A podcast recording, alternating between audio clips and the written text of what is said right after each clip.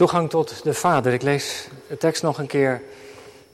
Want door Hem, dankzij Hem, hebben wij beiden door één geest de toegang tot de Vader. Gemeente van Christus, u hier in de kerk en u thuis met ons verbonden. Heeft ongetwijfeld het nieuws ook wel gevolgd. Misschien naar, van de zoektocht naar Titan. Die kleine onderzeeboot die op weg was naar de Titanic. Helaas is het niet goed afgelopen. Vrij snel na afdaling is het misgegaan. Er is heel veel over te doen geweest in de sociale media over de reddingsoperatie. Je kon het bijna live volgen. Kosten en moeite werden gespaard om die vijf mensen die in dit bootje zaten te vinden. Er is natuurlijk ook heel veel kritiek op geweest. Waarom daarvoor zoveel aandacht? Terwijl die andere boot, die in de Griekse wateren, waar zoveel mensen om het leven zijn gekomen, die aandacht die hulp niet kreeg. Helemaal terecht lijkt me. Maar wat mij in al dat nieuws, wat mij bleef, bleef haken bij mij, bij de voorbereiding van de preek was, was dat het contact met die onderzeeboot na anderhalf uur werd verbroken. De communicatie, de tekstberichtjes die ze stuurden, vielen stil. Er was geen communicatie meer. De lijn viel dood. En als dat gebeurt, ja, dan is er zorg, dan is er onzekerheid, angst ook dat er iets ernstigs is gebeurd. En dat bleek ook zo zijn geweest. Een paar jaar geleden gebeurde dat ook in Chili, een militair vliegtuig waar een goede vriend van ons zat, major in het leger.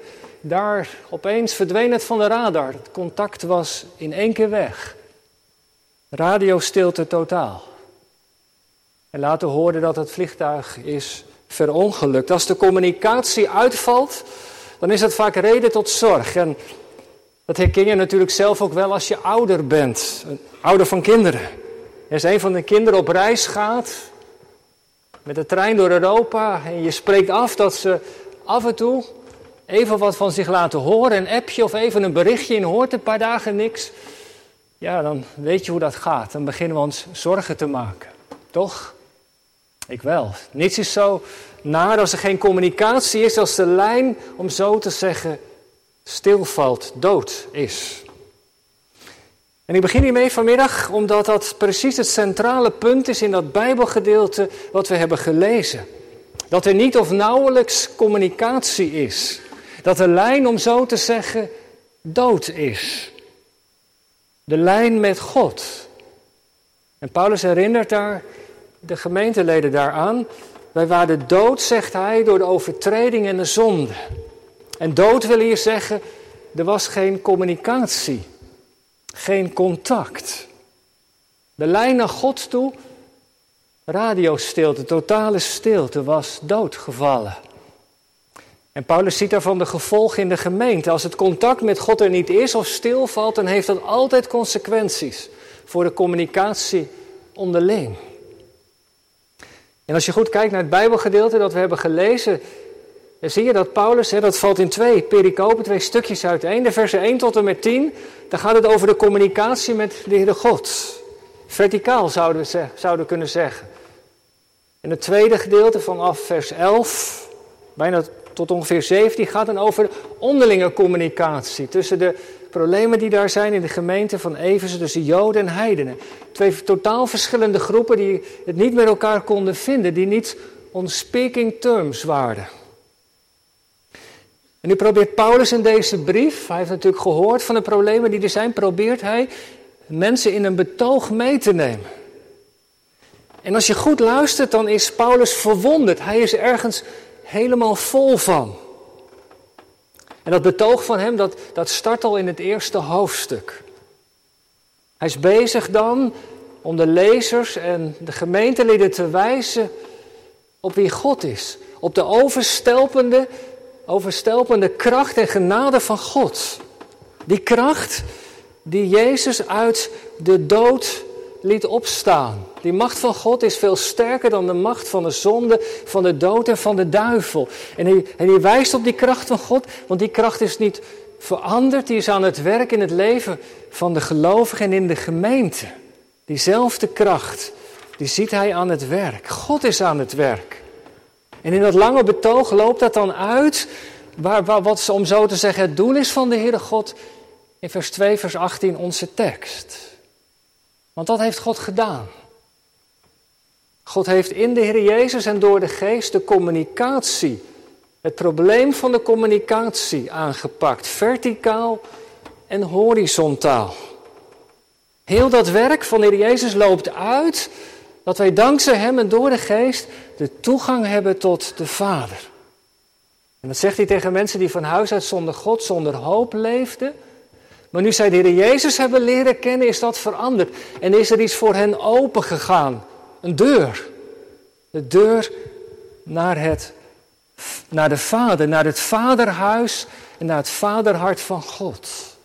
Want weet u, er zijn in het leven van het geloof twee dingen van belang voor ons mensen. De weg en de bestemming. De weg, je levensweg, hoe je leeft, met welke dingen je bezig bent, hoe je leeft. En ook waarheen ben je op weg? De bestemming. Wat is het doel, het einddoel van je leven? En op die beide dingen heeft, heeft de Heer Jezus een antwoord gegeven. Als hij tegen zijn discipelen zegt in Johannes 14, vers 6: Ik ben de weg, de waarheid en het leven. Het is de bedoeling dat, dat als het goed is dat we door in het geloof met de Heer Jezus verbonden zijn en dat we met Hem wandelen, achter Hem aangaan. Dat onze levensweg een weg is met Hem. Luisteren naar Zijn stem en gehoorzamen. Geleid door de Geest, de weg. Ik ben de weg, zegt Jezus. Maar hij voegt er ook niet nog iets aan toe wat we vaak, waar we niet zoveel aandacht voor hebben. Wat is de bestemming? Hij zegt het ook, niemand komt tot de Vader dan door mij. En dat is de bestemming van ons mensenleven. Nog niet eens zozeer de hemel, maar de Vader zelf, die aan het begin staat en aan het einde. De bestemming is de Vader, het Vaderhuis en het Vaderhart van God. En Paulus heeft dat dus heel goed begrepen, dat onderwijs van de Heer Jezus, in deze brief. En het heeft zijn hart geraakt. In deze brief legt hij daar dus de nadruk op. En wat ik nu maar even de, wat even de tekst is voor deze middag. Dat wij dankzij de Heer Jezus en door de Geest de toegang hebben. Dat is onze bestemming. Waarheen ben je op weg? Naar de Vader, zegt Paulus. God heeft zijn vaderhart voor u, jou en mij geopend. En in het geloof, als we met de Heer Jezus verbonden zijn, krijgen wij de toegang tot het Vaderhuis. En ik ga het zo even wat meer uitwerken. Dat is het tweede punt, maar het eerste, daar, ik wil nog even stilstaan bij de verwondering van Paulus. Ik wil dat we even meekomen in die verwondering van de apostel. Want je proeft dat gelijk al aan het begin. Kijk maar even naar in hoofdstuk 1, het derde vers. Dat is een heel lang vers. Dat loopt helemaal door tot vers 10 of vers 11. Dat is eigenlijk één lange zin in het Grieks. Maar dat begint gezegend, geprezen, zij de God en Vader van onze Heer Jezus Christus. Want hij heeft ons gezegend, zegt Paulus, met allerlei geestelijke zegeningen. Zegeningen van de Heilige Geest. In de hemelse gewest in Christus. En dan gaat hij in al die versen daarna allemaal opsommen wat, wat God voor de gelovigen heeft gedaan.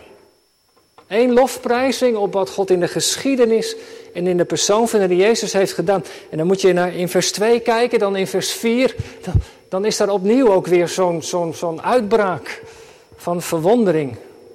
Dan heeft hij gezegd dat wij mensen van huis uit dood waren. Doof. Niet on speaking terms met de Heere God. Het boterde totaal niet. Er was een doodse stilte. Maar God, zegt in vers 4, die rijk is in barmhartigheid, heeft door zijn grote liefde, waarmee hij ons, Joden en Heiden, heeft liefgehad, toen wij dood waren, toen er geen communicatie was, met Christus levend gemaakt. In de weg van het geloof. En waarom is Paulus daarvan zo, daar, daarvan zo onder de indruk? Omdat God zelf in beweging is gekomen. Hij heeft de stilte doorbroken. Ten laatste zond hij zijn zoon. In de Jezus heeft hij die stilte doorbroken. En met de komst van de Heer Jezus, met onze heiland, is de omgang van God met mens wezenlijk veranderd. En ik neem u daarvoor om dat te kunnen plaatsen even mee naar het Oude Testament. Even aan het begin van de Bijbel, de Hof van Eden. Wat staat er over in de Bijbel? Daar, daar, was, daar was Adam en Eva, daar wandelde God met Adam in de avondkoelte. De koelte van de avond. En God was met hen in gesprek. Er was communicatie, er was vertrouwelijke omgang. Dat was er allemaal in de Hof van Eden. Maar dan komt de ongehoorzaamheid. Het luisteren naar die andere stem, in dit geval van de slang. En dan, dan volgt de straf. En dan worden Adam en Eva uit het paradijs gezet. Ze worden als het ware verwijderd van die, die aanwezigheid van de Heere God. En ze moeten het doen met afstand. Die relatie is niet meer onmiddellijk. En als je geen contact hebt met de Heere God, als de Heere God op afstand staat, we beseffen dat misschien nog niet eens zo sterk, maar dat is een ramp. Want daar raak je zoveel bij kwijt. Buiten het paradijs. En dan, en dan gaat, gaat de Bijbel verder. En wat zie je dan gebeuren?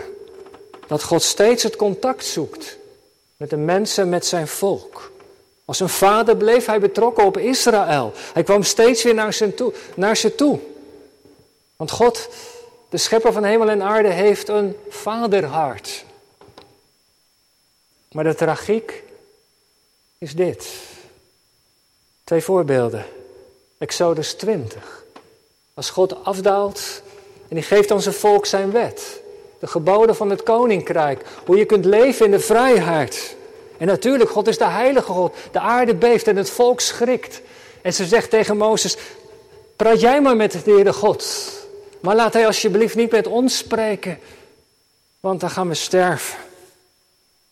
Het volk wil niet direct contact hebben met God, maar dan komt Mozes als de middelaar. Hij moet de woorden van God ontvangen en aan het volk doorgeven. Er is geen direct contact meer. God staat op afstand. En dat is een lijn die in het Oude Testament steeds sterker ziet worden. Handel in 1 Samuel 8, dan wil het volk Israël net zijn als de andere volken. En dan vraagt het aan God een koning. En dan zegt het, en God bewilligt daarin. En dan Samuel beklaagt, ja maar Heere God. Ja, zegt de Heere God, ik weet het. Ze willen niet dat ik koning ben over hun leven. En in dat verlangen naar een koning, dat geeft hij. En Israël gaat een koning hebben. Maar God doet het met pijn in zijn hart. En het begin van de monarchie, het begin van de koningtijd, is één groot drama in Israël. Want die koning, die wordt steeds belangrijker. Die schuift zich tussen God en het volk. En die doet wat niet goed is in de ogen van, van de Heer. En dan gaat het mis. En dan breekt de communicatie. En dan wordt de afstand groter. Jawel, er waren aartsvaders waar God sprak. Er waren enkele profeten. Maar die directe communicatie, die, die, die verdween. Dat is een ontwikkeling in het Oude Testament. De lijn is dood. God sprak. Maar was er nog iemand, zegt Jezaja, die, die stond te luisteren? In het Oude Testament was die omgang van de Heere God geregeld met offers. Dat directe contact was niet meer mogelijk, moesten ze een offer brengen en dan gingen de priesters namens het volk tot de Heere God. En je ziet, dat is het wonderlijke, dat de Heere God, omdat Hij een vader is, het toch om zo te zeggen niet kan laten. Hij zoekt de contact met zijn volk. En dan is daar die tabernakel. Weet u, weet je hoe die tabernakel heet? Dat heet de tent van de ontmoeting. En Mozes die, die was daar en die mocht die tent binnengaan en daalde de wolk van de heerlijkheid van God neer. En hij sprak, zegt de schrift, van aangezicht tot aangezicht zoals God sprak met een vriend is ongehoord. En Jozua, de dienaar, die was er ook en die, die wilde niet uit de tent wijken, want er was een heilig gebeur. God en Mozes, het kon eigenlijk niet, maar, maar er was ontmoeting, er was gesprek, daar gebeurde van alles. En God deelde zijn plannen met een sterveling. Waarom? God die heilig is en machtig heeft een vaderhart. Dat is het. En er zal altijd een vader blijven. En ten laatste zond hij zijn zoon. En dan komt God heel dichtbij. En die overtreding en de zonde van ons mensen, die heeft hij op de Heer Jezus gelegd. En toen hij stierf van het kruis, toen heeft hij dat weggenomen in zijn genade. En is de communicatie opnieuw weer geopend. Weet u nog, als Jezus sterft, dan, dan scheurt het voorhangsel. En is er de vrije toegang tot God. En weet u, als we, nou, als nou volgende week het avondmaal vieren, dan moet je daar eens aan denken. Want het oude verbond, waar die afstand er was tussen de Heere God, het avondmaal spreekt van een nieuw verbond. Dankzij de Heer Jezus, doordat Hij gestorven is, doordat Hij de zonde van ons mensen aan het kruis heeft gedragen, is er een nieuw verbond gekomen. En wat is de inhoud van het nieuwe verbond? Is dat die vertrouwelijke omgang er weer kan zijn. Dat God op een nieuwe manier met ons wil omgaan. Dat. En daarvoor is de Heer Jezus gekomen om dat te herstellen. Door dat offer van Hem, als wij dat in geloof aanvaarden, wil God met ons op een nieuwe manier omgaan, op de wijze van het nieuwe verbond. Dit is het nieuwe verbond. Het avondmaal in mijn bloed is het verbond van de nieuwe omgang met de Heer. En dankzij de Heer Jezus is die vertrouwelijke omgang weer mogelijk. Is er de toegang tot de Vader. En dat heeft Paulus ontdekt. Daar is hij vol van. Dankzij de Heer Jezus en door de Geest hebben wij de toegang tot God de Vader. En het werk van de Heer Jezus loopt daarop uit. En dat woordje wat apostel Paulus gebruikt, de toegang, dat is op zich wel een, een veelzeggend woord. Prostagoge wordt, dat Griekse woord wordt gebruikt in het profane Grieks voor audiëntie. Voor de audiëntie aan een Oosters hof. Grote zaal, er zit de koning, je mag niet zomaar binnenkomen. troonzaal, de troonkamer, is voor gewone mensen niet toegankelijk. Je mag er pas komen door bemiddeling van een hofdienaar. Als je op audiëntie komt, is er iemand die je meeneemt en die je dan bij de vorst brengt. Er moet iemand zijn om je de toegang te verlenen. Het zit allemaal vast aan het woordje toegang. In het Oude Testament was de toegang tot God ontsloten voor een enkeling. Maar in het Nieuwe Verbond is die toegang geopend voor ieder die gelooft. De Jezus is de deur. Maar je komt pas door de deur, je komt pas bij de Vader. Als je niet alleen door die deur naar binnen gaat, maar als er ook iemand is die je bij de hand neemt, die je introduceert bij de Vader. En dan zegt Paulus, dat is nou de taak van de Heilige Geest. De Heilige Geest treedt op als die oud-Oosterse hofdienaar. Mensen die door de deur naar binnen zijn gekomen, die worden bij de hand genomen. Die leidt ons de troonzaal binnen. We hebben dankzij Hem, in of door de Geest, de toegang tot de Vader. Hier in uw heiligdom, door uw genade mogen wij binnengaan. Stelt het zich even voor, laat het ons even voorstellen in gedachten. Probeer je te visualiseren, de troonzaal van God. Hoe kom je daar binnen? Nou, door middel van het gebed. Wie bidt in de naam van de Heer Jezus, mag door de deur naar binnen gaan. En de Heilige Geest neemt je gebed, die neemt je mee. De troonzaal binnen. Die deur staat dus open. En daarom is Paulus zo verwonderd. Hoe kan het eigenlijk? Ik was iemand die mijn hand en tand tegen de Jezus had verzet. Maar door zijn genade mag ik binnengaan. Hij heeft een open toegang tot God. En wat betekent dat? Nou ja, de schrijver van de Hebreeënbrief zegt, die deur is open. Lieve broeders en zusters, laten wij dan met vrijmoedigheid naderen tot de troon van de ja, genade. En wat mogen we daar ontvangen? Drie dingen noemt de schrijver: barmhartigheid, genade en hulp. Ik dacht, wat heb je meer als mens nodig in het leven dan dat? God is een toegankelijke God. En die troonzaal, waar bevindt hij zich? Zouden denken, nou dat is ver in de hemel. Nee, de geest die woont in ons. Als we in Jezus geloven. Je neemt ons mee de troonzaal binnen. God is maar één zucht. van ons verwijderd. Eén zucht, die troonzaal. Wij hebben de toegang tot de Vader. Wat betekent dat? Nog twee dingen ter afronding. Wat betekent dat nou concreet? Er zit aan die toegang een gemeenschappelijk aspect en een persoonlijk. Begin met het gemeenschappelijke. Ik heb natuurlijk nog niet zo heel veel gezegd over de thematiek van Efeze 2. Maar Paulus in hoofdstuk 2 spreekt over vijandschap. Hij zegt er was vijandschap naar God toe. En dat was de reden dat de Jezus moest sterven aan het kruis. Maar heeft dat voor ons willen doen. Die vijandschap die er was, niet on speaking terms, dat heeft de Jezus op zich genomen. Maar ook die andere vijandschap tussen Joden en heidenen. Wat ging dat er hard aan toe? De heidenen, ze keken in zekere zin neer op de Joden. Ze mochten dan wel het uitverkoren volk zijn, het volk van de Torah, maar dat waren ze wetticitsers, wat waren ze star en gehecht aan, aan tradities. De Joden van hun kant minachten de gelovigen uit de volkeren. Ze waren wel door God geschapen, maar bestemd voor de hel. En als een Joodse jongen met een heidens meisje trouwde of omgekeerd, dan regelden ze voor hem of haar symbolisch een begrafenis. Zo groot was die spanning tussen beiden.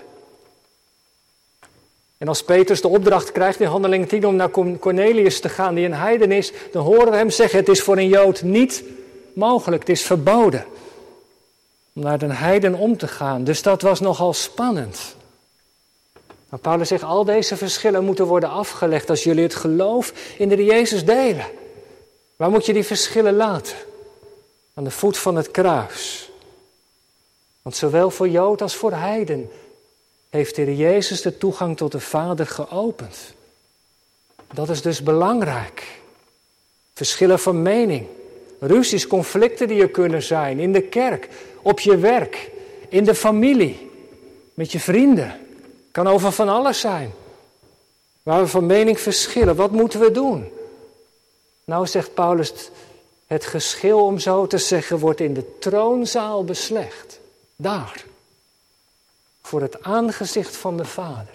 Waarbij je beide realiseert dat het dankzij de genade van Christus is dat je daar mag komen. God heeft die muur weggehaald. Die scheiding maakt tussen God en ons. De muur die scheiding maakt tussen mensen. Maar in die troonzaal wordt het pleit beslecht. Waar spreken we af? Zullen we elkaar eerst in de troonzaal ontmoeten? Die leeft vanuit de troonzaal, spreekt en handelt anders. Wat er ook speelt in je familie, je gezin, op je werk. Er zit ook een persoonlijk aspect. Daar eindig ik mee. Wat betekent dat nou, dat we de toegang hebben tot de Heere God? Ik dacht dit, dat ik als gelovige mag leven onder een open hemel. We gaan straks naar buiten en kijk eens omhoog. Wat zie je? Er is een open hemel in elke situatie heb ik de toegang tot de Vader als ik nu in het ziekenhuis ben.